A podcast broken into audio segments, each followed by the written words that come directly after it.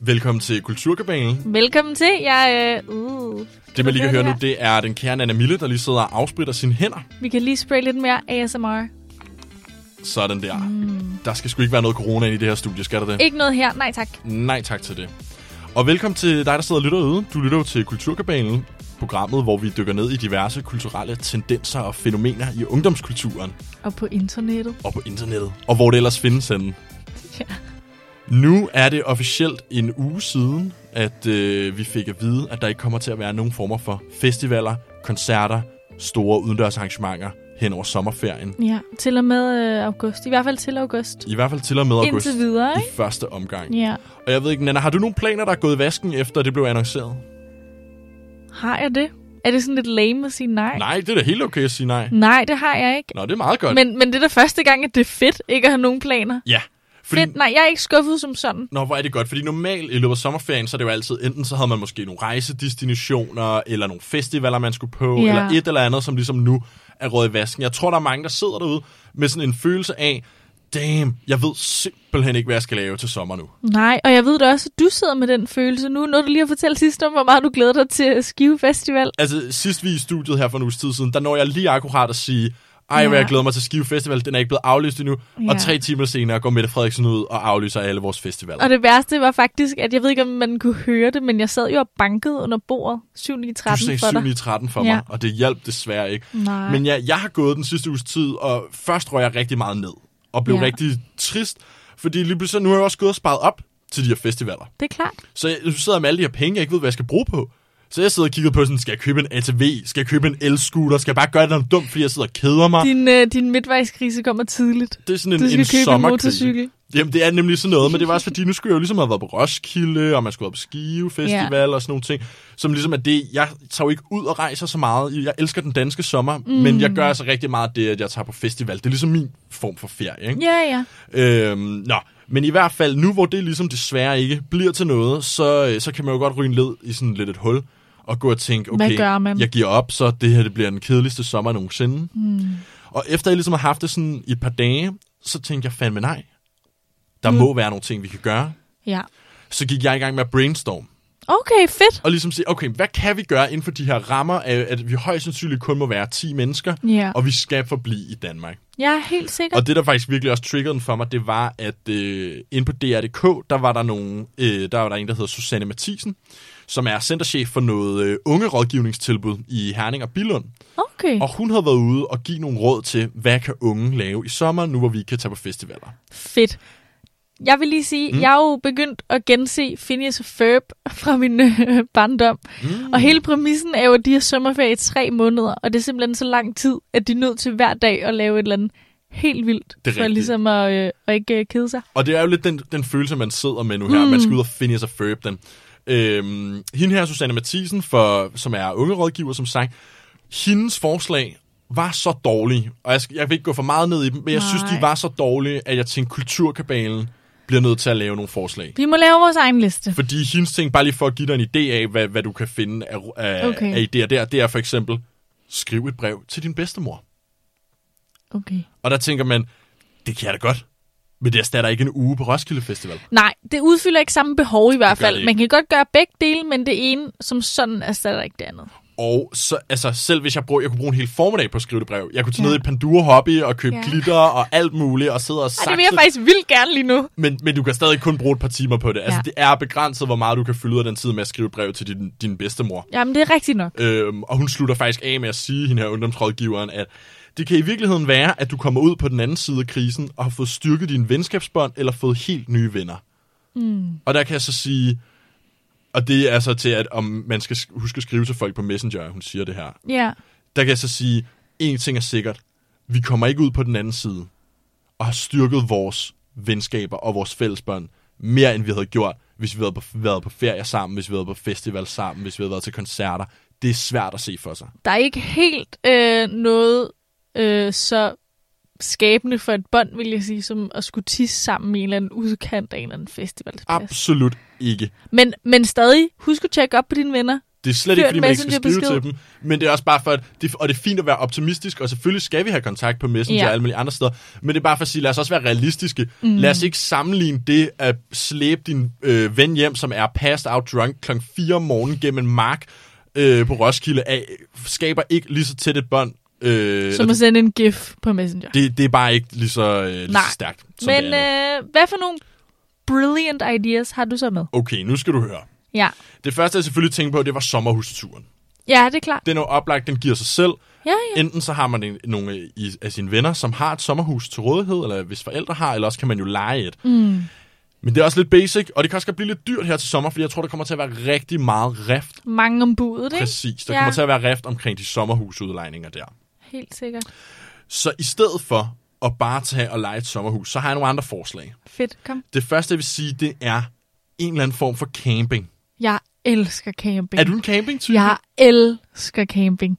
Men du kender også mig, jeg kan romantisere alt. Ja. Øhm, og ligge i telt og småfryse lidt, og uh, jeg elsker det.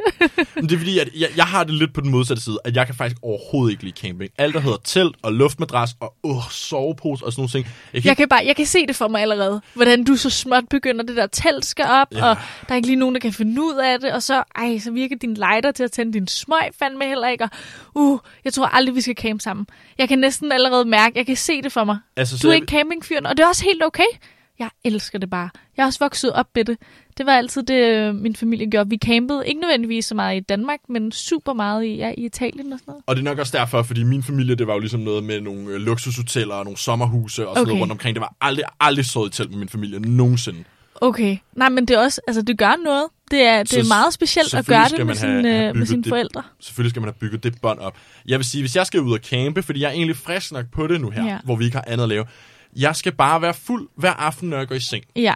Fordi det værste er simpelthen at ligge inde i det telt og pisfryse, og så ikke kunne falde i søvn, og så vågner man tidligt næste morgen, fordi det er lige pludselig blevet mega varmt og alle sådan Nej, ting. så fortæller man uhyggelige historier og spiller lidt Uno. Og... Jeg skal sidde og drikke mig plørestiv rundt om et bål, øh, og synge Okay. fællesang i to timer, inden jeg skal sove. Der er altid en fyr med en guitar, der spiller Wonderwall. Det er lige præcis det, jeg har brug for. Eller Okay. I'm Yours med Jason Mraz, Ja, eller sådan noget rigtig sing-along bålsang, ikke? Så du, enten skal det være virkelig fuld camping, eller så er du mere på glamping. Ja. Altså Ellers, glamourøs så hvis, hvis, camping. hvis man skulle lave et andet lille twist på, øh, på campingen, Ja. så kunne det være, at man tog på cykelferie. Mm. Altså, at man ligesom gjorde lidt mere ud af, at vi rykker lidt rundt. Ja. Øh, Så skulle det være på Samsø eller sådan noget? Ja, det kunne altså også. Smuk Hvis du spørger mig, kunne det også bare være ned igennem den øh, jyske vestkyst. Ja. Man kunne cykle fra Sjælland til Jylland, eller omvendt. Ja, Man kunne tage til Bornholm og gøre det. Det. Jeg synes, der er mange muligheder for faktisk at, at cykle lidt rundt med sine venner, lave nogle fede ting, mm. og så hver aften måske slå et telt op et nyt sted. Det er rigtigt. Det lyder Øhm. virkelig hyggeligt. Hvis man ikke gider at bo i telt, fordi det kan jeg jo virkelig godt forstå, Ja. at man måske ikke har lyst til, så er jeg inde og researche, okay, men det- hvis ikke bare vi skal lege et sommerhus, hvis vi skal gøre noget lidt mere Spice det lidt Spice op. det Det er lidt op. 2020, ikke? Mange, jeg ved, mange har sat sig op til, det skal være summer of my life. Og Præcis. lige pludselig kan det ikke være det alligevel. Det skulle have været mit livs sommer, det her. Ja, selvfølgelig. Så det, jeg vil sige, det er, der er så mange andre ting, man kan lege end et sommerhus, som er meget federe. Okay. For eksempel, Ja, kør. du kan lege en gammel mølle. Hvor fedt er det ikke? I kan ikke se mig, men det er fordi, jeg sidder med åben mund. Jeg vil så gerne lege en mølle. Ved du, hvem der bor i en mølle? Nej, hvem bor i Ved en du mølle? godt, Robert Downey Jr. bor i en mølle? Nej, det vidste jeg ikke. Iron Man. Du kan se det på øh, YouTube. Architectural Digest, der følger man sådan, ja. ser kendtes hjem. Ja. Han bor i en, øh, en gammel mølle. Og det er det, jeg vil sige. Der kan man altså gå ud, lege sådan en gammel kornmølle Ja. med stråtag, Ja, ja. Ja, ja. fuldstændig romantiseret på den måde. I'm there. Det tror jeg er det, jeg vil gå efter at lege, hvis jeg skulle lege noget. Mm. Man kunne også lege en husbåd. Der uh. ligger sindssygt mange fede husbåde rundt omkring i Danmark. Ej, det vil jeg gerne. Og nogle af dem er røvlækre panoramavinduer, tagterrasser, hele muligheden. Vi kender det allerede en, der har en husbåd. Gør vi det? Leila? Hvem er Leila? Leila fra DBA? Nej, fra Facebook. Hvor Ja, man kunne nå, komme ja. ud og blande hendes, øh, hendes håndsprit, håndsprit. Jeg ved faktisk, som vi snakkede om i en tidligere episode. vi fandt jo faktisk aldrig ud af, om Leila havde en husbåd, eller om de bare havde en båd liggende nede ved kajen, som de havde trukket sig ned i her i coronatiden. Nej, men altså, med lidt god vilje er alle både vel en husbåd. Det er jo nemlig min næste ting, det var, det behøver jo egentlig ikke at være en husbåd. Nej. Har man en kammerat, der kan sejle, eller vil man bare gerne bo på en båd i en lille uges tid, og så mm. bare have den liggende i havnen, så tror jeg altså også, det er en mega fed ting. Og hvad med kurs mod fjerne kyster? Ja, Kan du præcis. huske det? Det var en kæmpe ting. Jo. Der har jeg også lidt en drøm om. Jeg vil aldrig kunne klare det ude på det store hav. Men, øh, men jeg kan godt lide tanken. Men hvis man nu bare lå i Tisted Havn i en uge, altså så man lidt får fornemmelsen af, at man er ude at sejle, men man er reelt ikke ude at sejle. Jeg vil gerne sådan, ja, helt sikkert. Øh, to andre ting mm. lige her til sidst, mm. som jeg vil foreslå. Den ene, hvis man ikke gider at bruge penge på at lege noget, mm. og man ikke gider at cykle ude og bo i telt, så har jeg faktisk en, en anden ting, ja. som Ja. jeg tror, jeg kommer til at gøre brug af. Staycation. Uh, kan du lige du, forklare hvad mig en engang, hvad det er? er? Jeg, ja, for en god ordens skyld vil jeg gerne have Man den kan i hvert måske næsten høre det på navnet, men en staycation er en vacation, hvor man stay at home. Man bliver hjemme. Okay. Så tanken er simpelthen, i stedet for at tage alle mulige steder hen, prøve at lege et sommerhus til overpris, så inviter et par af dine venner over, eller noget familie, eller et eller andet, og så bo et par dage, hvor I bare bor sammen. Mm. Et eller andet sted. Det kunne være i din lejlighed, eller en af dine venners lejlighed, ja, eller hvis jeres ja. forældre er væk, så kan I bruge deres hus eller lejlighed, men hvor man ligesom samler et par stykker og bare bor sammen. Og så selvom man er der, hvor man altid er, jamen så får man alligevel den der feriefornemmelse af det. Men også fordi, som regel, det man altid når frem til, synes jeg, jo, det er lækkert med nogle gode omgivelser, mm. men det, det er aldrig lokationen, vel? Det er altid selskabet. Ja, det er det nemlig. Ja. Lige nøjagtigt. Og det er jo også det, der er ved, når man taler om det her med, at vi skal finde noget, der skal erstatte festivalerne. Mm. Det vi jo primært skal erstatte. Det er svært at erstatte live-koncerter. Ja, Det- men det er måske heller ikke så meget det, det handler om, så meget som at erstatte, øh, ja, Det er kun en del af det jo. Fordi Lige en anden præcis. del af det er selvfølgelig det her store fællesskabsbånd, man har med sine mm. venner, og den camp, man bor i, og det der med, at man er totalt smadret sammen i en uge, og man bare er op og ned af hinanden. Og det kan man i hvert fald stadig erstatte på nogle af de her måder. ja det er den hurtigste måde at gøre det på, det er at bo sammen, og hvem skal så tage opvasken efter dag tre? Ja, præcis. Men så fordi man har ferie, så tror jeg, man har meget mere overskud til netop at tage opvasken Jamen, og ikke? gøre nogle ting sammen, og sætte noget musik på og hygge sig med det. Ja. Det sidste, jeg lige vil anbefale, folk mm, gør. Og den her, den har jeg virkelig også tænkt mig at tage op selv. Okay, jeg, gør den, jeg, kan, jeg kan se gløden i dine øjne. Jeg tror, det her, ud over møllen. Okay. så tror jeg måske, det er, det er min favoritidé. Okay, Byg en tømmerflåde. Jeg ved godt, det lyder jeg er lidt mærkeligt. skeptisk. Ja, jeg ved godt, det lyder mærkeligt, når du lige tænker over det. Ja. Men de fleste af os kan måske tænke på en eller anden lille sø, eller vandløb, eller et eller andet, Mhm. mm. som vi kender i nærheden af, hvor vi bor. ja. Og hvis man bare er et par venner, der tager ud i Silvan Okay. og lige køber nogle, nogle plader. Ja. Jeg er ikke den mest handyman. Men det kan jeg godt fornemme. Har du nogensinde nogle- bygget en tømmerflåde? Prøv jeg, jeg kunne knap nok bygge, jeg kunne knap nok save en træplade lige over, hvis det Okay, skulle fordi nu skal du lige høre. Altså, jeg har jo gået til spejder i fire år. Ja. Jeg har bygget en tømmerflåde. Det er ikke for sarte sjæl. Jeg forestiller mig også, at man skal være nogle stykker om det. Man skal tage sine lidt mere sådan handy venner med. Ja. Og så, øh, så in- investerer man selvfølgelig nogle penge i materialerne, og man investerer et par dage i at bygge den der tømmerflåde. Okay, godt nok. Det Så- er over flere dage. Det er over flere dage, Det det, er her. det. Min tanke er, at man måske bruger en, en lille uges tid Okay. på at bygge den, men ja. samtidig med det, så er det jo bare sådan hyggen i at bygge det sammen, Ja. gå og høre musik, drikke nogle øl, Lidt udenfor i den friske luft. og så til sidst, så har du ligesom en færdig øh, tømmerflåde, der mm. står ude på vandet, som du ligesom kan sidde derude på, måske alt efter, hvor stor en er, smide en parasol op, og så kan man lige sidde et par stykker derude er med en soundbox og en kold bajer, og så har man fået bygget noget, man har den tømmerflåde, man er teknisk set ude på vandet og sådan noget. Okay, ja. Og hvis man ikke er til tømmerflåde, hvad kan man gøre præcis det samme med et IKEA-møbel? Man kan sagtens gøre det samme med et IKEA-møbel, hvis IKEA vel er mærket åbent til den tid. Det er rigtigt. Men øh, jeg vil også sige, hvis ikke man er så handy, så kan jeg se, at man kan købe sådan nogle gør det selv pakker, Samle, samle tømmerflåde. Lidt, tømmerflåde. Hvis IKEA solgte en tømmerflåde, agtigt. Okay, ja. øhm, som jeg også har overvejet. Det er så lidt dyrere. Der klart. ender man måske med at smide en 5-6.000, hvis man skal have noget, hvor der, Wow! ja, hvor der virkelig kan være nogen på. Men her der så tænker jeg Ja, måske... hvis der skal være en soundbox, skal den kunne holde meget i hvert fald. det, det, men nu, her der snakker vi jo også om, at du måske er en 5-6 venner, og I måske alligevel havde været ude Jamen, og det er fair nok. 5-6.000 hver på en festival, eller en ferie, eller et Det er eller rigtigt. andet. Så på den måde kan man sige, det skal jo erstattes af et eller andet. Jamen, det er fair nok. Okay, jeg overgiver mig. Så i hvert fald herfra, Yes. fra Kulturkabalen, vil vi bare sige, lad være med at miste modet. Ja, Behold håbet. vi skal nok finde på noget sjovt. Der er en Eller- sjov sommer forude. Ja. Det kræver bare, at vi bliver lidt kreative. Vi tænker lidt ud af boksen i forhold til, hvad delen skal vi lave. Og for at citere Phineas og Ferbs øhm, titelsang, det er sommerferie, vi daser derhjemme, men skolen den slår vi i stykker. Og derfor er det så vigtigt, at vi ikke må glemme at bruge den på noget, der rykker. Mm. Sikke nogle øh, dybe, dybe ja, ord fra Phineas og Ferb lige der. Selv det er altid tak. Disney, der har de citater, der er hiver os ud af mørket. Disney. Og med de ord, siden vi øh, nu skal øh, holde sommerferie i Danmark alle sammen, så kan vi jo drømme os lidt til, hvordan det plejer at være, når vi kunne holde sommer i Europa. Her kommer Rasmus Lær.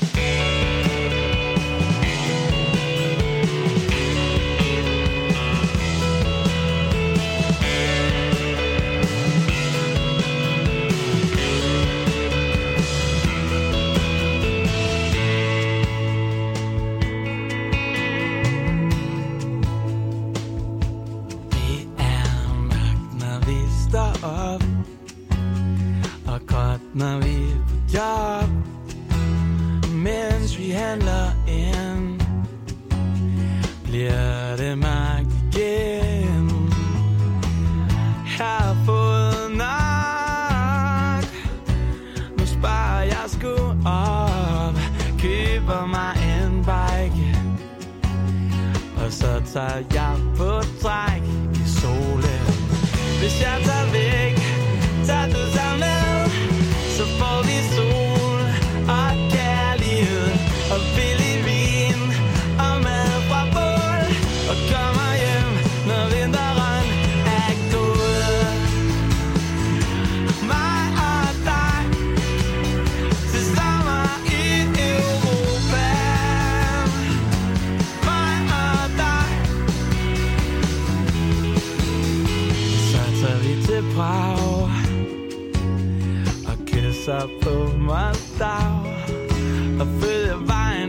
verra.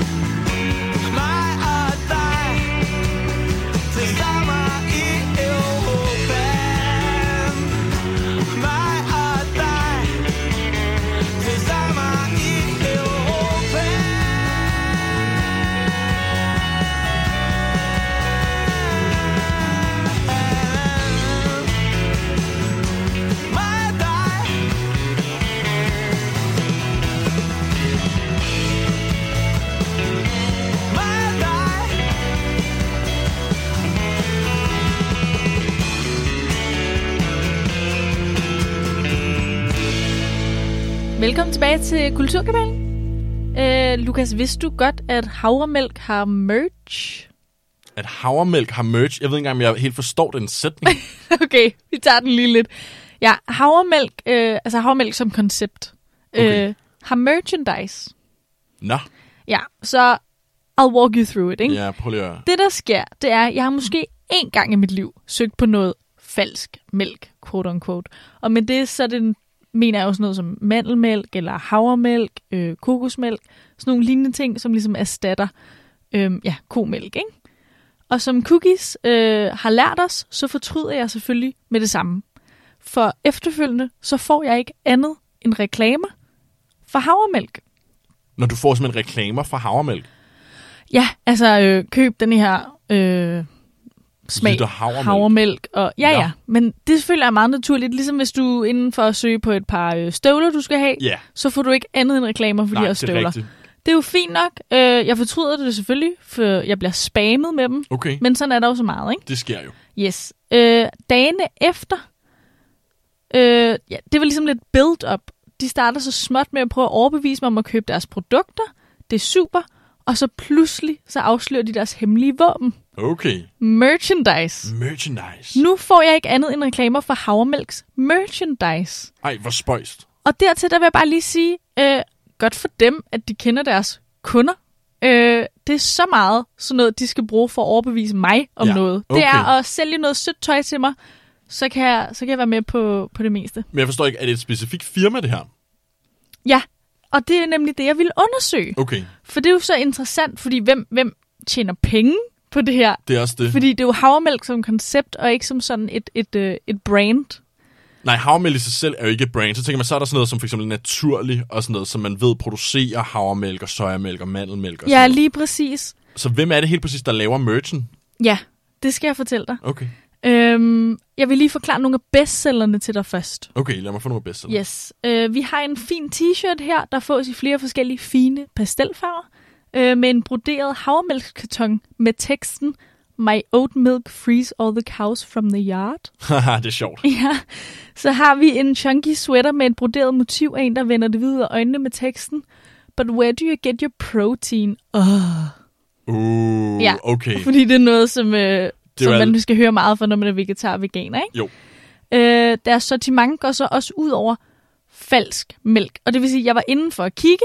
Ja. Øh, jeg klikkede, som man jo også, altså rookie mistake number one igen, og klik på de her reklamer. Ja. For så fortæller dem jo bare, I gør noget rigtigt. I skal fortsætte med at vise mig de her ting. Og så kommer jeg ind på en side, Ja. Øh, og det er så sådan en, en lidt Etsy-lignende side. Øh, Etsy, det er, det er, hvor privatsælgere altså, typisk laver noget. Det er meget sådan noget, de, ja, de laver i hånden selv. Det kan være, at de selv broderer tryk på nogle t-shirts, eller de laver bestemte malerier, eller Etsy er sådan lidt DBA for alt det håndarbejde, som du laver lige derhjemme. præcis. Ja, broderi for eksempel bliver der også solgt en masse af derinde. Ja. Øhm, så det vil sige, det er ikke et, igen, det er ikke et brand, der laver det her. Det er simpelthen en med ja, en politisk agenda, må det være, ikke? Nå, okay. Yes, øhm, så de går ligesom også ud over det her generelle budskab om, øhm, Om at Øh, drikke havremælk. ja, præcis, og går til en lidt mere vegetarisk og vegansk diæt. For eksempel er der en trøje, hvor der står Eat Jam, Not Ham, Ah, sjovt. og øh, en vegan pizza we crust. Men det er jo også som om, at, at det er, altså det er ikke fordi, det kun er folk, der er veganere, der drikker havremælk. Men der er selvfølgelig et stort overlap mellem Lige veganere præcis. og folk, der drikker havre og sojamælk og sådan noget. Nemlig. Ja. Og det, der interesserede mig især, var bare det her med, at det er et meget bestemt produkt, så specifikt som havremælk har sit eget merchandise. Ja. Øh, igen, jeg fandt de her trøjer på nettet i en online shop, som ikke er affilieret med en bestemt havremælksmærke. Øh, og det var jo ellers det, jeg først troede, da jeg så den her trøje. Ikke? Nå, nu forstår jeg. Okay, fordi det er Yes. noget, jeg ikke har forstået indtil nu, fordi Okay. du lige holdt lidt skjult, hvem sælgeren på det her var. Men det vil simpelthen Det sige, dem, der laver merchandise, Ja. det, de har, er ikke et firma, der også laver almindelig havremælk. Ikke dem her, jeg lige har fortalt om, nej. De laver bare kun merchandise Lige præcis. til generelt konceptet havremælk. Lige præcis. Og det er jo Okay. derfor, at det bliver endnu mærkeligere, for jeg kunne jo forstå, hvis det først var øh, nogen, der kunne altså, profitere direkte på det. Ja. Hvis man kunne øh, sammenligne det med salget af ja, deres egentlige produkter så. Mm. Men nej. Øhm, fordi der er ligesom, på det billede, jeg fik, øh, den, de reklamerede med, der var det en, der stod med en Oatly havremælks øh, karton. Og Oatly er i hvert fald nogle af de mest førende, det førende mærke, brand inden for sådan noget mælkeerstatning. Det tror jeg faktisk også, de er. Jeg synes i hvert fald tit, det er de der Oatly, man ser nede i supermarkedet. Præcis, og der var så øh, mange af de her øh, modelbilleder, som ligesom bliver vist på hjemmesiden for at modellere de her trøjer. Der, der holder de Oatly, så det er jo klart, jeg troede, det var Oatly, der stod Nå. bag, men det viser sig så, at det er øh, ja, en privat øh, virksomhed. Okay. Ja, Sælger øhm, den virksomhed andet end sådan havremælks merchandise inde på den hjemmeside, eller Nej. er det bare kun det? det er kun det.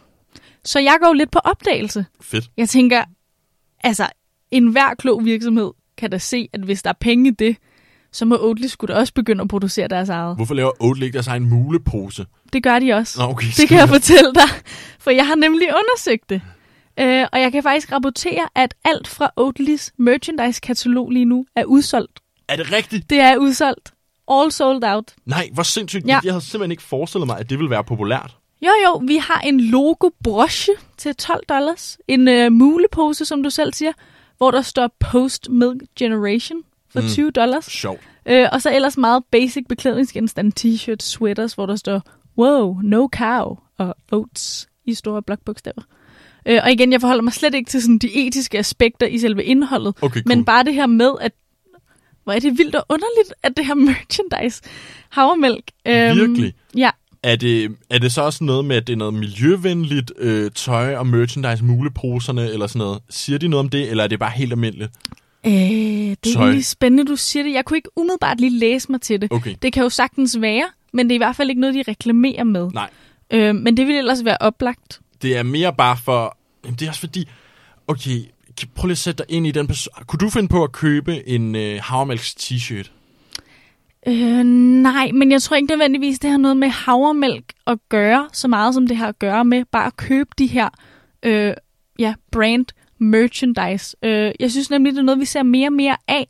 Altså Glossier, som er en hudpleje- og makeup mærke som jeg selv er meget lojal kunde af, Mm. de har også for nylig tilføjet sådan en fast rubrik i deres menulinje på hjemmesiden. Øh, Glossy Wear i stedet for Glossier. Ja, selvfølgelig. Øh, så her er der både sådan badesandaler, kasketter, sweaters mm. og alt sådan noget. Alle sammen meget simple, men i tråd med deres sådan allerede udtryk. Ikke? Jo. Nogle af de samme farver og sådan noget. Øh, ja, og på det her, der står der bare sådan stort og centralt deres logo. Og jeg tænker, det må være det, der gør det til at være merchandise, og ikke som sådan øh, en, en tøjkollektion, de kommer ud med. ja, altså du tænker, det her det er ikke, fordi det er en, en separat produktlinje, Nej, som et ekstra ben til brandet. Det her, det er, præcis. det er bare, hvis du er så stor fan af, af deres primære produkt, Ja. så har du nu muligheden for at købe alle de her andre ting med samme produktnavn på, men højst sandsynligt er der måske egentlig ikke noget andet ved det. Nej, præcis. Det her tøjs primære funktion er ligesom at reklamere for det egentlige produkt, frem for at være et produkt i sig selv. Yes. Ikke? Øh, man er jo lidt en altså, omvandrende reklamesøjle, Det er du jo så. når man har det, Virkelig. fordi de ikke gør noget yderligere ud af, af designet. Ikke? Ja, altså det synes jeg bare, vi ser mere og mere af. Øh, det vil være noget andet, hvis Oatly eller Glossier eller andre mærker, som gør det samme, ligesom ja, lanceret en tøjkollektion. Øhm, men det her, det er jo bare merchandise. Øhm, Det er simpelthen det er bare for at vise, at du drikker havremælk. Det er fordi, ja, eller bruger et brand, eller... Jamen, det er fordi min umiddelbare tanke, når du siger for eksempel også, at alt det der mm. havremælksmerch er udsolgt, Ja, så er min tanke jo, at der jo ligger jo en, en stor, et stort ladet værdisæt og identitet i at drikke havremælk. Og Lige det kan præcis. der gøre for mange mennesker, fordi det bliver associeret med noget veganisme og med Yes. noget bæredygtighed og være miljøvenlig.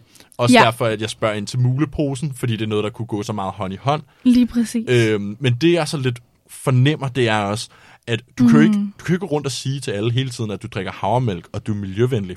Nej, det Så- er en måde at vise det på. Folk ikke? ved jo ikke, hvad der er det. Folk ved jo ikke, hvad der er i din to-go-kop. Nej, Så lige nøjagtigt, det bliver nemlig en måde at signalere, at jeg drikker havremælk, jeg er veganer, Yes. jeg er miljøbevidst, ved at have det som en mulepose eller som en t-shirt. præcis. Og det er jo det, som der er den egentlige tendens, synes jeg. Det er jo det her med, at alt lige pludselig bliver et livsstilsbrand. Ja. Mælk sælger ikke bare længere mælk. er De sælger en livsstil, de sælger en fantasi, de sælger en type, Ja. så at sige. Ikke?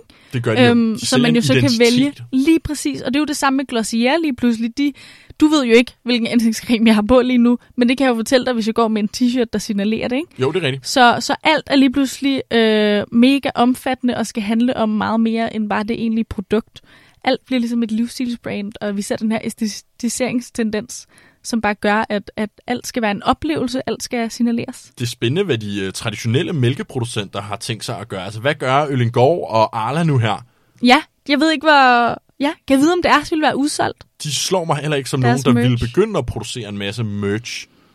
Nej, Også fordi, at der ikke rigtig almindelig mælk er så bredt, at der er, det er ikke rigtig associeret med en speciel identitet, eller en speciel type, eller en kultur, ja, øh, på samme måde som for eksempel havremælk eller sojamælk vil være. Lige præcis. Men altså, jeg ville da gerne gå rundt med en Mathilde Kakao mulepose.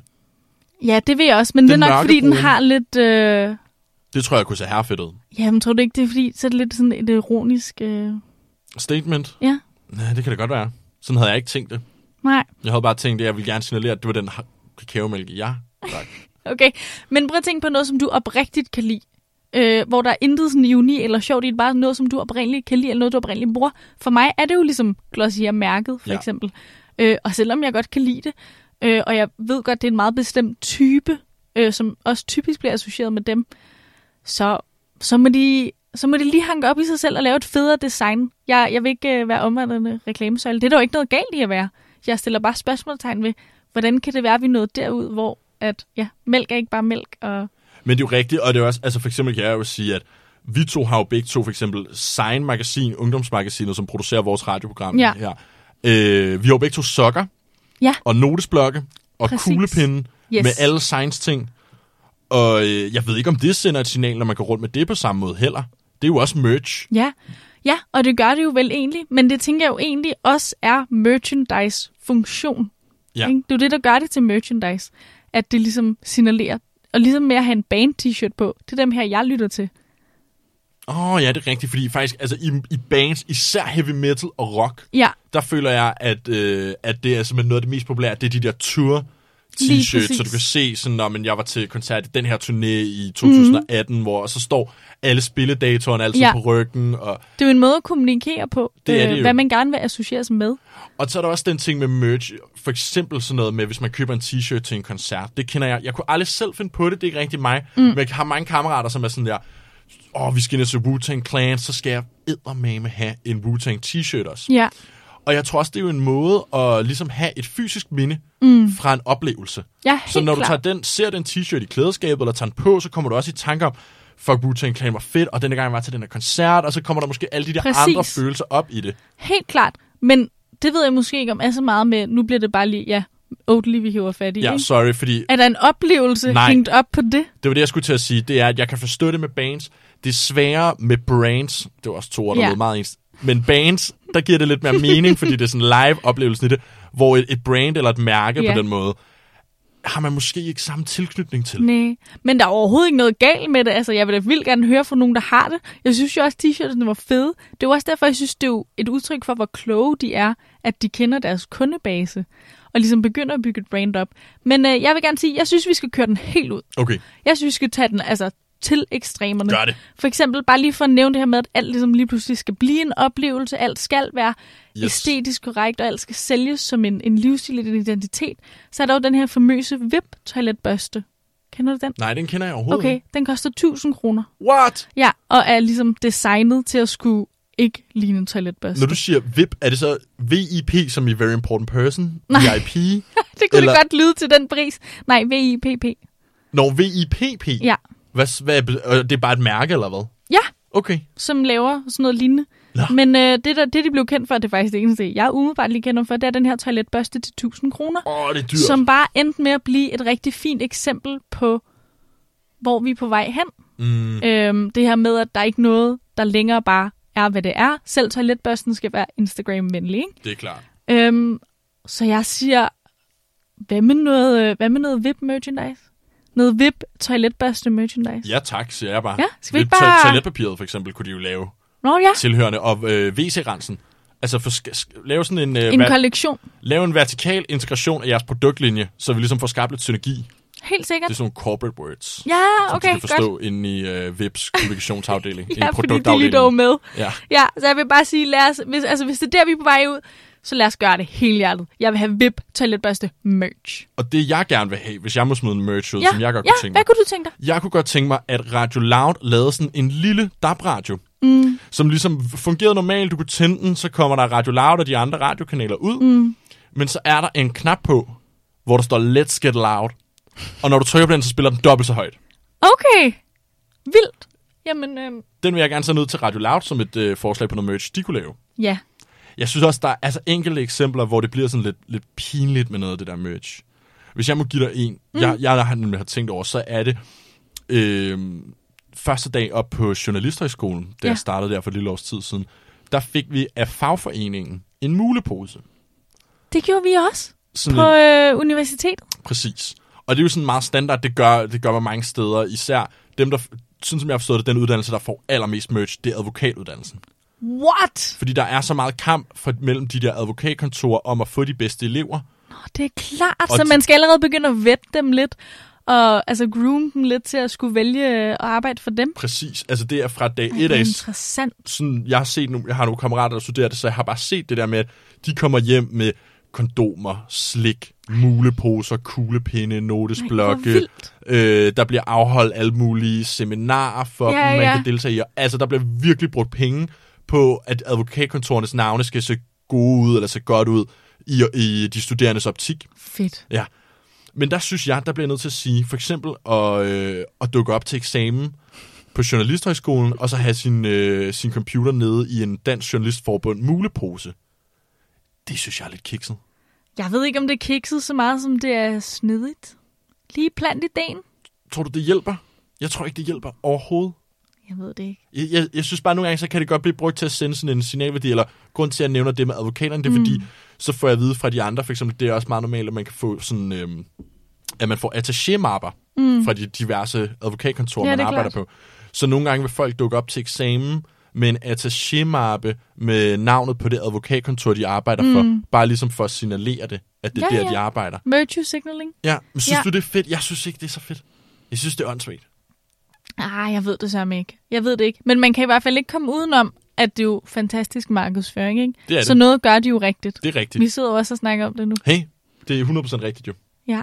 Og apropos alt det her, vi snakker om med, hvem der egentlig laver merchandise og sådan noget, så skal vi jo nu til at høre en uh, Gorillaz-sang. Så mens du lige, vi lige så og snakker om det her, så googlede jeg lige, og du kan selvfølgelig også købe en masse forskellige Gorillaz merchandise. Der er blandt andet en hoodie til 400 kroner, øh, og en long sleeve tee, kan jeg se her, til 300. Ja, selvfølgelig. Så igen det der med, der er jo virkelig, virkelig mange, der laver det her merch, og det er jo ikke kun øh, Havremælk. havremælk. Og med de ord, så kommer Melancholy Hill.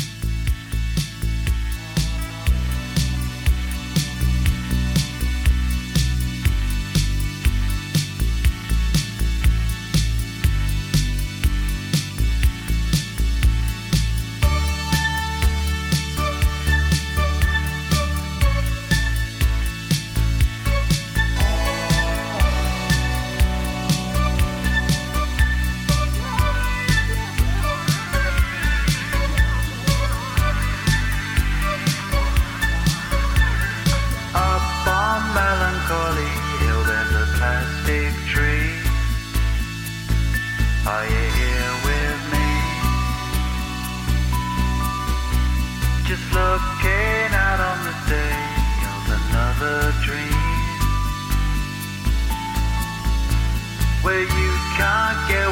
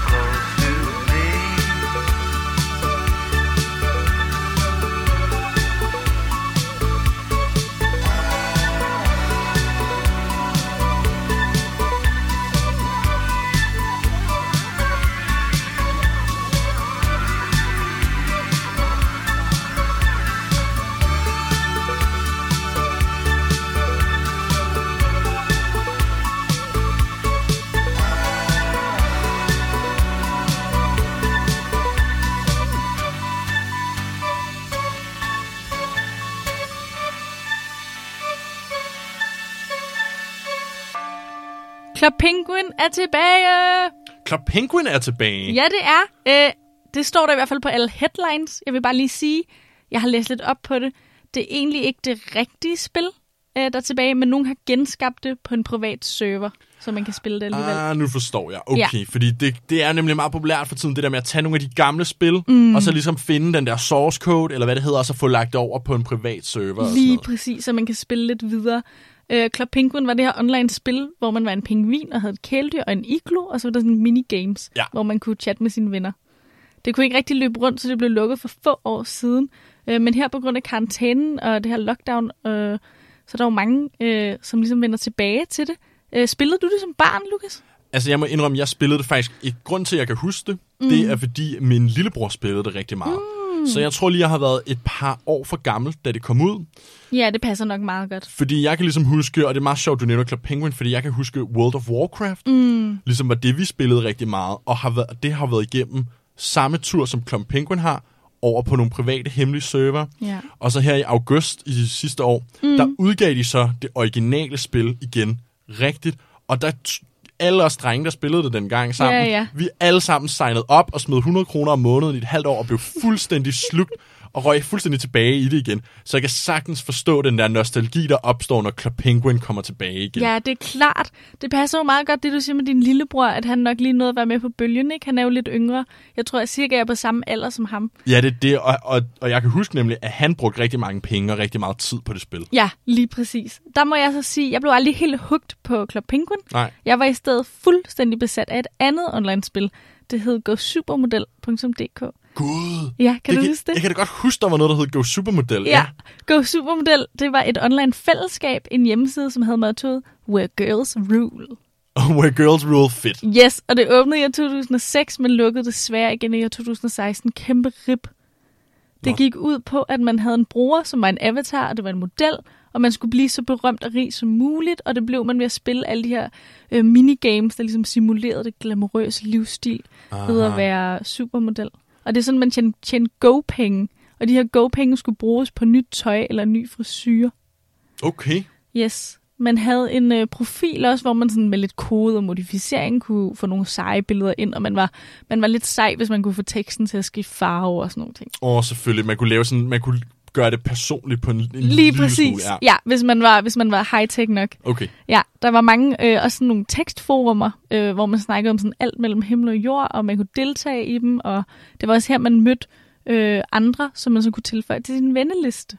Når man havde også en venneliste, ligesom man faktisk kender det i dag fra Facebook. og sådan Ja, noget. lige præcis. Det Nå, var jo mit første. Ja, Facebook kan man Ej, sige. hvor er det egentlig sjovt, for det, er, det lyder næsten som om, det var et socialt netværk i sig selv. Ja, og det var det egentlig også. Ja. Og jeg elskede bare at gå supermodel. Jeg har mødt virkelig mange venner igennem det, som jeg stadig har kontakt til den dag i dag. Øhm, og jeg har så mange varme minder derfra. Øh, kun varme minder. Øh, det har virkelig dannet mig. Øh, og mine forældre og min stakkels farmor og farfar har spyttet så mange penge i det her spil for min skyld. Altså Ja. rigtige penge. Ja. Ja, fordi det gav sådan nogle fordele, så fik du medlemskab, og så kunne man få nogle af de seje ting. Så det var ligesom de der tidlige, sådan, ligesom vi kender i dag fra in-app køb. Ja, sådan noget jo- microtransactions Præcis. og sådan noget. ja, okay, det var det, man lavede dengang Ja, også. men øh, jeg vil sige, det var det værd. Altså, jeg spillede det over virkelig en lang årrække. Jeg var virkelig inde i det, og Ja. ja. det har virkelig betydet meget for mig. Altså, Nå, hvor fint. Ja, det ser ikke ud til, at det kommer tilbage for Øv. nylig som Club Penguin. Det er så øv. Øhm, så i stedet så vil jeg mætte savnet ved at lave en hyldst til GSM. Og det er en god idé. Ja, øh, vi skrev, øh, jeg gjorde i hvert fald skrev ud på vores Instagram, øh, Sign Radio, og efterlyst alle minder, folk skulle have fra den her tid. Ja, Øh, der var nogen, der skrev ind, dem skal jeg læse op for jer lidt senere. Øhm, men lad os lige starte med at høre nogle, øh, nogle klip af, hvad folk kan, kan huske mest. Så øh, lad os lige læne os tilbage, og så tillade os at mindes, uden egentlig så meget andet. Øh, jeg kan huske, at jeg var kæmpe, kæmpe stor forbruger af Go Supermodel. Øh, jeg var en af dem, jeg tror, jeg brugte mine få lommepenge på at øh, købe tøj til min supermodel, og jeg huske, at jeg ligesom, at der var forskellige stadier, man kunne opnå, og jeg tror, jeg opnåede sådan det højeste, man kunne blive, som var sådan noget supermodel. Det fedeste kunne supermodel, det var nok at sådan det der med at klæde sin avatar på og give dem nyt tøj og sådan noget. Og jeg synes, det var lidt kedeligt at tjene penge, kan jeg huske, men det var bare sådan det hele værd, når man fik lov til at bare købe tøjet, og jeg synes, det var så fedt det tøj der. Altså jeg var sådan helt over at at køre over det. Det var bare drømmen at have det tøj. Der var nemlig noget, som der ligesom var udgået, og derfor var mere unikt og mere populært. Var man rigtig sej, hvis man havde noget af det tøj. Og jeg kan da også huske, der var engang sådan en butik, der hed Vintage, hvor der nogle gang blev sat nogle ting til salg, og så skulle man bare være ordentlig hurtig for at få det. Fordi det er ligesom en vintage butik, hvor der kun var den ene ting til salg. så kan jeg huske, der var sådan et spil, hvor det var, at man øh, kunne klæde sig ud. Så var man ligesom fire, der var inde i sådan en, en slags kamp om at sminke bedst, klippe håret bedst og sådan nogle ting. Og så kunne man ligesom sige sådan, det var godt gået, eller hold op, hvor det grimt, det du lavede, og ligesom komme i sådan en fight. Og det var virkelig et dramafyldt spil. Det var både der, hvor man fik nogle af sine største fjender, og så var der også der, hvor man mødte sine bedste venner inde på det her forum så lavede, blev det på et tidspunkt lavet et event her på Amager, tror jeg det var, hvor at alle, der havde opnået den her supermodel, blev inviteret med til den her fest. som var sådan en sodavandsfest, hvor at ens forældre afleverede en, og så kom Anna David og spillede. Og så kunne man sådan møde sine virtuelle modelvenner. Det var den fedeste, den der fest, jeg var til. Altså jeg kan huske, Anna David, hun sådan tog min hånd og sang ned til mig, og det var bare sådan en total weird øh, oplevelse. Og samtidig var det egentlig ikke underligt, fordi det bare var sådan, ja, det bare var sådan et community, der var skabt online på en eller anden måde. at jeg blev hacket juleaften, og jeg var grædefærdig. Jamen, det var virkelig, det var virkelig voldsomt, for jeg bare følte, at hele mit, øh, mit liv, der lå inde på den Karoline 2059. Hold da op. Jeg havde virkelig ikke regnet med, at folk havde så stærke følelser til Go Supermodel. Altså, det havde jeg simpelthen slet ikke indset. Nej, øh, Anna David øh, til Go Supermodelfest, og så blive hacket på juleaften. Hvad siger du så? Altså, den der med at blive hacket på juleaften, det må være så hårdt, ikke? Også fordi, som barn, man har gået hele dagen og glæder sig til, at man får lov til at åbne de gaver, og ja. hvis Ja. hun virkelig har været i stor fan af Go Supermodel, så hun garanteret også fået nogle penge til det, eller sådan Ja, noget ja. julegave, og så ramler det hele bare lige pludselig sammen der Det er juleaften. så Åh. tragisk. Jeg kunne næsten mærke det. Ja. Ja. Altså, da jeg hørte hende sige det i klippet for første gang. Så forfærdeligt, men jeg vil gerne lige følge op på den. Hun fik sin bror tilbage, heldigvis. Godt. Hendes far skrev simpelthen en mail til TV2. Det var TV2, som ejede det dengang. Øh, og så fik hun sin bror tilbage med alt sit tøj. Og er det ikke bare simpler times, at ens far bare lige skriver en e-mail, og så fikser de det lige for dig? Kunne du Ja. forestille dig, hvor mange ting, der kunne være nemmere på nettet, hvis bare... Det er fordi, i dag, så vil det lidt være sådan, så skulle du lige huske, hvilken vej din mor voksede op på, hvad dit første kæledyr hed, og du skal faktisk også lige finde dit nemme idé frem, for vi skal lige dobbelttjekke, at det er dig. Ja, lige præcis. Og din far skulle ikke særlig meget autoritet, vel? Og TV2 har nok, ja, ville nok have andre ting at, at se til. Det synes jeg var så fint. Og TV2 vil nok heller ikke eje sådan et børnespil den dag i dag. Altså, det var også, Ja. det taler også lidt til en, en tidligere sådan, medielandskab, hvor ja. at en tv-station også, på det tidspunkt kan jeg huske, at TV2 var jo i gang med at købe en, en radiostation også, og Ja, at de ja. så havde et børnespil og så. Det er altså ret sjovt, fordi det, det ser man ikke rigtig i dag på samme måde. Nej, og jeg tror måske også, det var det, der fik det til at føles sådan lidt anderledes. Ja. Øhm, på samme tid, så kom der noget frem, som hed Movie Star Planet. Gud, ja, det, det navn ringer en vag klokke for mig. Okay, en vag klokke. Mm. Det var lidt ens. Man havde også en avatar, øh, men her så var der lidt mere fokus på chat end på spil, sådan som jeg havde øh, opfattet det i hvert fald. Men jeg er jo selvfølgelig også meget mere fan af Godsebomdal. Og ud fra navnene kan jeg næsten tyde, at målet var at blive filmstjerne, i stedet for at blive Ja. supermodel, som det var i Go Lige Supermodel. præcis. Øh, man kunne så også have en drengefigur i øh, Movie Star Planet, så det gjorde også, at der var måske lidt mere traction. Det var lidt sjovere, når man begyndte der at blive teenager, og så kunne chatte med drenge, hvorimod Go Supermodel henvendte sig bare lidt mere til piger, i og med, at du kun kunne have en quote-unquote pige-lignende figur. Også hvis du har et spil, hvor taglinen er a place where girls rule, eller Lige hvad du kaldte præcis. det, så kan man sige, så er det jo ligesom også et meget specifikt køn, det vælger at henvende sig til. Lige præcis. Øh, Johanne skrev ind, hun skriver, at hun kan huske, at der i hendes klasse var Team Movie Star Planet og Team GSM. Ah, okay. Ja, og det er dem, som øh, holdt med Movie Star Planet, øh, altid prøvede at bruge som argumentation for, at det var bedre end Go Supermodel. Det var, at deres avatar kunne danse og lave animerede bevægelser. Okay, Hvorimod ens avatar i Go Supermodel stod ligesom i den samme faste position. det var statisk. Ja, øh, men det er Johanne altid ligeglad med, for hun vidste godt, at hvis man ville danse i Go Supermodel, så skulle man bare skifte stå position fra højre til venstre mega mange gange hurtigt i træk. ja. så fint. Det er fedt, der har Øh, været, at, øh, simpelthen, at der er folkeskoleklasser, der er blevet splittet ja, ja. over Go Supermodel. Deler vandene og lidt inside ja. knowledge, ikke? Øh, noget af det, som mange ville hylde mest ved GoSu-model-platformen, det var, hvordan det tillod, at man kunne udfolde sig kreativt i et meget sådan safe space. Mm. Lærke skriver følgende, jeg læser op nu. Det lyder fjollet, men tror, det har givet rigtig mange unge piger og drenge mulighed for at udforske deres stil et sted, hvor man ikke satte sig selv i en sårbar position, som havde de gjort det i virkeligheden. Wow. Ja, Ej, meget velreflekteret er helt tanke enig. omkring det. Men det er fordi, der var en masse med ligesom at påklæde den her supermodel, og man, der var forskellige stilarter, man kunne tage på, Lige og en masse forskellige præcis. tøj, sådan som jeg forstår det. lige præcis. Interessant. Hun skriver også, øh, der var mange unge, der brugte det som en platform, hvor de kunne udgive og dele skrift, som de havde brygget sammen, og de så kunne give hinanden feedback på. Det var muligt at udgive magasiner på en meget mere avanceret måde, end man kunne forestille sig, øh, at sådan øh, hjemmeside kunne tilbyde. Ja. Folk var virkelig dygtige. Der var så mange unge mennesker, der skrev så imponerende, tegnede helt vildt godt, men også bare unge, der med deres tilstedeværelse var med til at gøre verden en smule større, end mange af os vidste.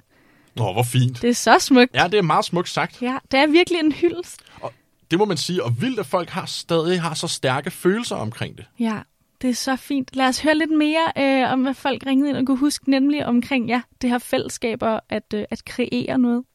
Der er rigtig mange ting ved det spil, som der ikke er ved de sociale medier, vi kender i dag. Og selvfølgelig, der var sikkert også nogle uvenskaber og nogle konflikter derinde internt, og nogle større ting også, som jeg bare ikke kan huske, fordi jeg er fucking naiv. Men øh, jeg tror bare sådan måden, hvor man lærer internettet at kende på måden, hvor at internettet og sådan et socialt medie bliver integreret hos en, en ung pige eller en ung dreng. Jeg tror, at det er en sundere måde igennem Go Supermodel, end det er igennem Instagram og Facebook. Jeg føler i hvert fald, at der var et, en, en sindssyg mulighed for fællesskab og for sådan forbindelse, hvor folk var mere åbne for at lære nye mennesker at kende. Men jeg tror bare, at, sådan, at jeg voksede op med den platform som værende sådan mit første sociale medie. Det har været mega godt for mig, det tror jeg virkelig. Hold kæft, hvor var det fedt. Altså, jeg brugte så meget tid på det. Jeg har kun gode minder med Go Supermodel. Det var fandme gode tider. Jeg har kun gode minder med det, det er helt sikkert. Det var sgu hyggeligt. Wow. Øh, jeg sad jo og klippede lidt sammen øh, og klippede lidt til, øh, og jeg kunne ligesom høre i lydfilerne meget tydeligt, hvordan øh, folk ligesom mindes, og som de begyndte at snakke om det, kom i tanke om nye ting. Og der var så meget, øh, så mange følelser og historie bag de ord, der ligesom blev sagt. Jeg Det- blev faktisk ja, helt rørt. Det synes jeg også er meget tydeligt i de klip, vi lige har hørt. Mm. Altså man kan høre passionen og nostalgien i deres stemmer, når de fortæller om det. Også fordi vi hører så specifikke eksempler og historier, Ja. som de der med, med hende, der nævner det der med juleaften. Det sidder så fast i hende, at hun husker det som noget af det første, Ja. når hun skal snakke om Go Supermodel Det den dag i dag, klart. 10 år senere. Lige præcis. Øhm, og det her fællesskab, altså fordi jeg kender ikke dem, der har sendt de her minder ind, men jeg føler mig alligevel forbundet til dem i de her minder. Øh, vi har måske aldrig sådan direkte interageret på den her hjemmeside, det ved jeg jo ikke, men vi har stadig været en del af det samme fællesskab. Og det synes jeg bare er virkelig, virkelig fint. Øhm, og jeg under virkelig alle øh, at have og finde det samme, hvilken end platform det er. Mm. Øh, ja, jeg ved ikke, nu snakkede vi lidt sidst om det med, med TikTok. Øhm, det her med, at man kan godt, når man bliver lidt ældre, se lidt ned på det, øh, fordi man ikke forstår det.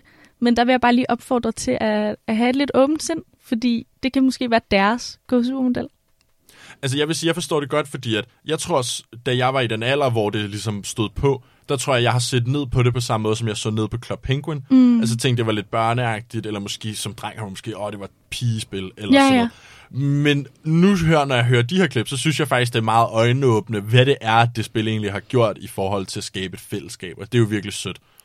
Ej, det er mega sødt. Sikke sige. en, øh, en alsidig kabale, vi har fået lagt i dag. Vi har virkelig været rundt om meget. Vi har været vidt omkring den seneste times tid. Alt fra Go Supermodel og gamle computerspil til Havermælks merchandise og hvad delen vi skal tage os til i sommerferien. Ja. Og jeg kan afsløre, jeg har været ved at græde to gange under den her episode. Er det rigtigt? Hold da op. Ja. Så Jamen, kan det- man jo gætte sig til. Så hvis man øh, vil lytte til det som podcast, og så prøve at finde ud af, hvilke to øjeblik det er i den seneste time, at den anden er, for, Ja. er lige ved at græde, så kan man gå på Spotify, iTunes, eller hvor man ellers plejer at finde sin podcast, Ja. og søge efter Kulturkabalen. Man kan også følge med på vores Instagram, Sign Radio. Ja. Og øh, nu hvor vi har promoveret lidt, så øh, er der vel ikke så meget tilbage end at sige tusind tak, fordi jeg lyttede med. Kulturkabalen bliver produceret i samarbejde med Sign,